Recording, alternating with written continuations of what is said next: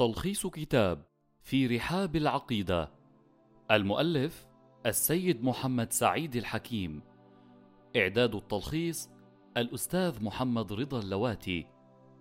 قراءة النص علي الأكبرجوني يتناول هذا الملخص قصة حادثة الغدير كما يرويها علماء أهل السنة وذلك بحسب ما كتبه المرجع الديني السيد محمد بن سعيد الحكيم في كتابه في رحاب العقيدة المجلد الأول الصفحة رقم 235 كتب المرجع الكبير يقول بأن حادثة الغدير قد اتفق على روايتها السنة والشيعة ومنهم العلامة الأميني الشيعي الذي وضع تأليفه عن هذه الحادثة في إحدى عشر مجلدا. وفيها ذكر أن عدد رواة حادثة الغدير من الصحابة بلغ عددهم مئة وعشرة صحابيا وأربعا وثمانين من التابعين. وبلغ عدد رواة هذه الحادثة من علماء أهل السنة ثلاثمائة وستين عالما طبقة بعد طبقة. وتتألف حادثة الغدير من تسعة وقائع رئيسية تدلنا على ما يذهب إليه أهل الشيعة من استحقاق أمير المؤمنين علي بن أبي طالب عليه السلام بالخلافة. وقد عمد المؤلف إلى إثبات أن كل واحدة من هذه الوقائع ثابتة تاريخيا من خلال التواتر والتأكيد عليها لدى علماء أهل السنة.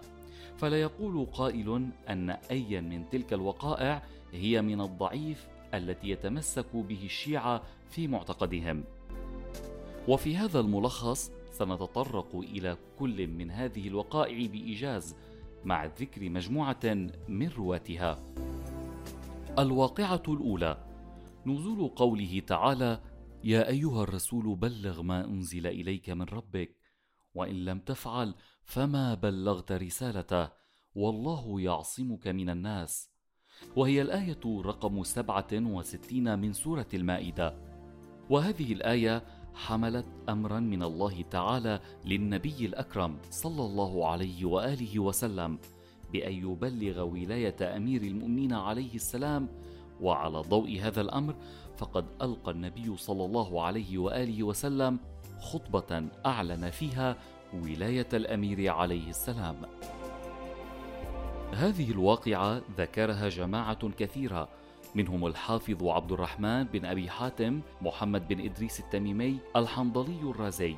المتوفى سنة 372 للهجرة. روى الواقعة وقد أسندها إلى أبي سعيد الخدري. ونقل عنه السيوطي والشوكاني أن الآية قد نزلت يوم غدير خم في علي بن أبي طالب عليه السلام. ومنهم أيضا الحافظ أبو بكر أحمد بن موسى بن مردوي الأصبهاني المتوفى سنة 468 للهجرة ومنهم أبو الحسن بن أحمد بن محمد بن علي الواحدي النيسابوري يرويه عن أبي سعيد الخدري ومنهم عبيد الله بن عبد الله الحاكم النيسابوري المعروف بابن الحداد الحسكاني أخرجه عن ابن عباس وجابر الأنصاري. ومنهم الحافظ أبو القاسم علي بن الحسن بن هبة الله الشافعي الملقب بابن عساكر. الواقعة الثانية هي نزول هذه الآية بهذا الأمر في أمير المؤمنين عليه السلام يوم غدير خم وقد صرح بذلك جماعة كثيرة من علماء أهل السنة. منهم أبو المحاسن يوسف الحنفي وإمام الحنابلة أحمد بن حنبل والحافظ أبو سعيد الهيثم الشاشي والحافظ أبو عمر يوسف القرطبي والحافظ أبو عبد الرحمن النسائي والحافظ أبو الحسن علي الهيثمي وأبو بكر عبد الله أبي شيبة الكوفي والحافظ ضياء الدين الحنبلي المقدسي والحافظ أبو عبد الله النيسابوري والحافظ أبو بكر أحمد الشيباني والحافظ أبو يعلى أحمد الموصلي التميمي والحافظ أبو القاسم سليمان الطبراني وعز الدين الجزري والحافظ عماد الدين بن كثير الشافعي الدمشقي وغيرهم. كما جاء في لسان العرب. وخم غدير معروف بين المكة والمدينة بالجحفة وقال ابن الدريدي إنما هو خم بضم الخاء. وقال ابن الأثير هو موضع بين المكة والمدينة تصب فيه عين هناك وبينهما مسجد. والظاهر من تتبع الأخبار أن المسجد المذكور قد أنشئ هناك من أجل هذه المناسبة. الواقعة الثالثة نداء النبي صلى الله عليه وآله وسلم بالناس للصلاة جماعة من أجل سماع خطبته. ذكر ذلك من علماء أهل السنة الحافظ أبو الحسن الهيثمي وأبو بكر بن أبي شيبة الكوفي وإمام الحنابلة أحمد بن حنبل وغيرهم. الواقعة الرابعة أمر النبي برد من مضى ولحوق من تخلف من أجل تعميم إبلاغهم بما يريد. ذكر ذلك جماعة من علماء أهل السنة منهم الحافظ أبو عبد الرحمن النسائي والحافظ ضياء الدين الحنبلي المقدسي.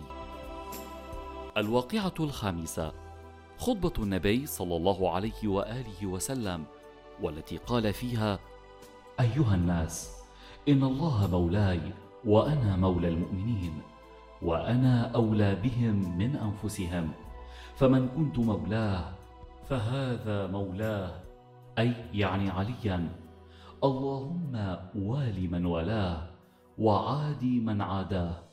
روى ذلك حذيفة بن أسيد الغفاري كما في المعجم الكبير ومجمع الزوائد وتاريخ دمشق.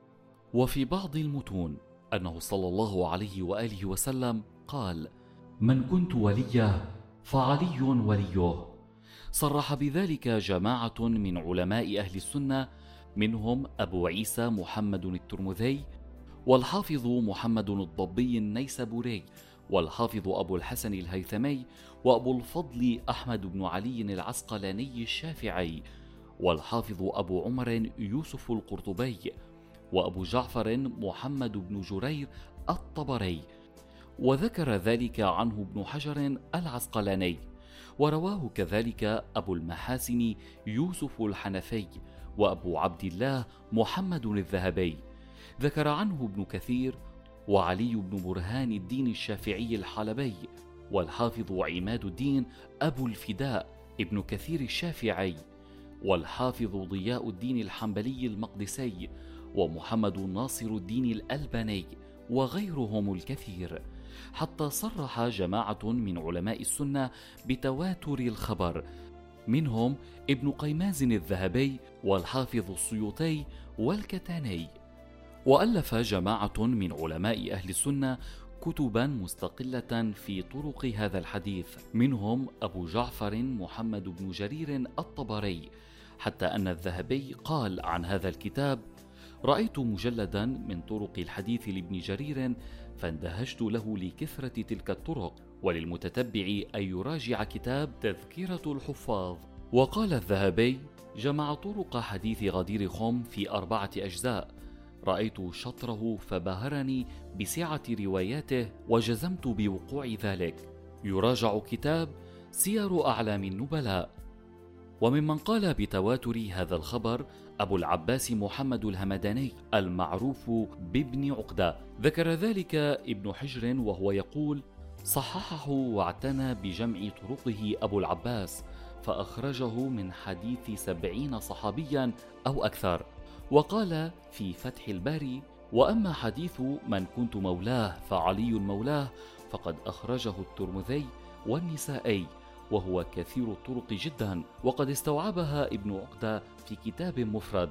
وكثير من أسانيدها صحاح حسان. وقد روينا عن الإمام أحمد قال ما بلغنا عن أحد من الصحابة ما بلغنا عن علي بن أبي طالب. وقوله صلى الله عليه وآله وسلم اللهم والي من والاه وعادي من عاداه. فقد نقلها جمهور علماء أهل السنة بطرق عديدة جدا. منهم أبو المحاسن الحنفي والإمام أحمد. والحافظ الشاشي والحافظ عبد البر القرطبي والنسائي والهيثمي وأبو شيبة الكوفي وضياء الدين المقدسي والضبي النيسابوري والموصلي التميمي وسليمان الطبراني وغيرهم. وأما قوله صلى الله عليه وآله وسلم وانصر من نصر واخذل من خذل فقد ذكرها جماعة من علماء أهل السنة منهم أبو المحاسن يوسف الحنفي وأحمد بن حنبل والحافظ الهيثمي وعلي برهان الدين الشافعي الحلبي وغيرهم. الواقعة السادسة نزول آية اليوم أكملت لكم دينكم وأتممت عليكم نعمتي ورضيت لكم الإسلام دينا.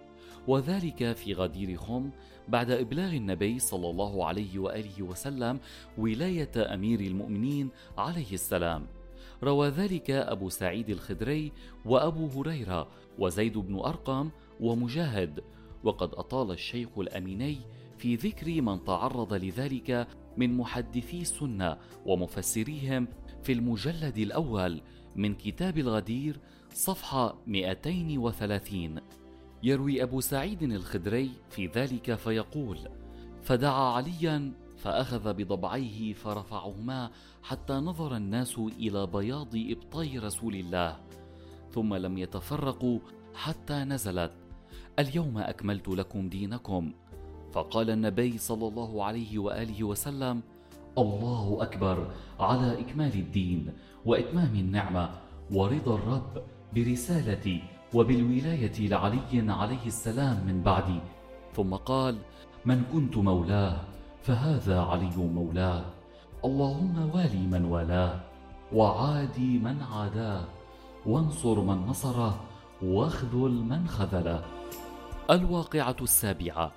تعميم النبي صلى الله عليه وآله وسلم للإمام علي عليه السلام في المناسبة المذكورة فعنه عليه السلام أنه قال عممني رسول الله صلى الله عليه وآله وسلم يوم غدير خم بعمامة سدلها خلفي وإن الله أمدني يوم بدر وحنين بملائكة يعتمون هذه العمة. ثم قال إن العمامة حاجزة بين الكفر والإيمان وللمتتبع أن يراجع كتاب السنن الكبرى للبيهقي ومسند الطيالسي والكامل في الضعفاء والإصابة وتحفة الأحوذي. الواقعة الثامنة تهنئة الحضور عليا عليه السلام بما نص به النبي صلى الله عليه وآله وسلم عليه. وممن هنأه عمر بن الخطاب قال له هنيئا لك يا ابن أبي طالب أصبحت وأمسيت مولى كل مؤمن ومؤمنة روى ذلك جماعة من علماء أهل السنة منهم ابن أبي سيبة الكوفي أخرجه بسنده عن البراء بن عازب ورواه كذلك الإمام أحمد بن حنبل والبغدادي رواه عن أبي هريرة وينقله الحافظ شهاب الدين الهيثمي ذاكرا تهنئة أبي بكر مع عمر للإمام علي عليه السلام. وينقله كذلك الحافظ ابن كثير وفخر الدين الرازي. الواقعة التاسعة. إنشاد حسان بن ثابت أبياته بهذه المناسبة حيث قال يناديهم يوم الغدير نبيهم بخم وأسمع بالرسول مناديا. فقال فمن مولاكم ونبيكم؟ فقالوا ولم يبدوا هناك التعاميا إلهك مولانا وأنت نبينا. ولم تلق منا في الولاية عاصيا. فقال له قم يا علي فإنني رضيتك من بعدي إماما وهاديا فمن كنت مولاه فهذا وليه. فكونوا له أتباع صدق مواليا هناك دعا اللهم والي وليه وكن للذي عاد عليا معاديا. ذكر هذه الأبيات جماعة من علماء أهل السنة منهم الحافظ أبو نعيم الأصفهاني والموفق الخازمي وجمال الدين الزرندي والحافظ المرزباني والحافظ جلال الدين السيوطي. بقيت هنالك واقعتان لاحقتان لحادثة الغدير الأغر. ذكرتا في كتب علماء أهل السنة وهما الأولى استحباب صوم هذا اليوم العظيم شكرا لله على نعمة ولاية أمير المؤمنين عليه السلام رواه جماعة من العلماء منهم الخطيب البغدادي مسندا عن أبي هريرة قال من صام يوم ثمانية عشر من ذي الحجة كتب الله له صيام ستين شهرا وهو يوم غدير خوم لما أخذ النبي بيد علي بن أبي طالب فقال ألست ولي المؤمنين؟ قالوا بلى يا رسول الله. فقال من كنت مولاه فعلي مولاه. فقال عمر بن الخطاب بخ بخ لك يا ابن أبي طالب أصبحت مولاي ومولى كل مسلم فأنزل الله اليوم أكملت لكم دينكم. يراجع كتاب تاريخ بغداد الجزء الثامن صفحة 289 الحادثة الثانية. حادثة الحارث بن نعمان الفهاري الذي عندما شاع الخبر وبلغه أتى النبي صلى الله عليه وآله وسلم على ناقة فنزل عنها في الأبطح وأناخها. فقال للنبي صلى الله عليه وآله وسلم يا محمد أمرتنا عن الله أن نشهد أن لا إله إلا الله وأنك رسول الله فقبلناه معك. وأمرتنا بالزكاة فقبلنا منك. وأمرتنا أن نصوم شهرا فقبلنا منك وأمرتنا بالحج فقبلنا منك. ثم لم ترضى بهذا حتى رفعت بضبعي ابن عمك تفضله علينا وقلت من كنت مولاه فعلي مولاه فهذا منك أم من الله؟ فقال النبي صلى الله عليه وآله وسلم والذي لا إله إلا هو إن هذا من الله. فولى الحارث يريد ناقته ويقول اللهم إن كان ما يقوله محمد حق فأمطر علينا حجارة من السماء أو ائتنا بعذاب أليم. فما وصل إلى راحلته حتى رماه الله بحجر فسقط على هامته وأنزل الله سأل سائل بعذاب واقع للكافرين ليس له دافع. ذكر ذلك جماعة من العلماء منهم جمال الدين محمد بن يوسف الزرندي الحنفي وسليمان القندوزي الحنفي ومحمد المنوي وعلي بن برهان الشافعي الحلبي والحافظ الكبير عبيد الله بن عبد الله المعروف بالحاكم الحسكاني والخطيب الشربيني وأبو عبد الله القرطبي والقاضي الإمام أبو السعود محمد العمادي. إلى هنا ننتهي من ملخص ما كتبه المرجع الكبير السيد محمد سعيد الحكيم في ذكرى عيد الغدير الأغر. والسلام عليكم ورحمة الله وبركاته.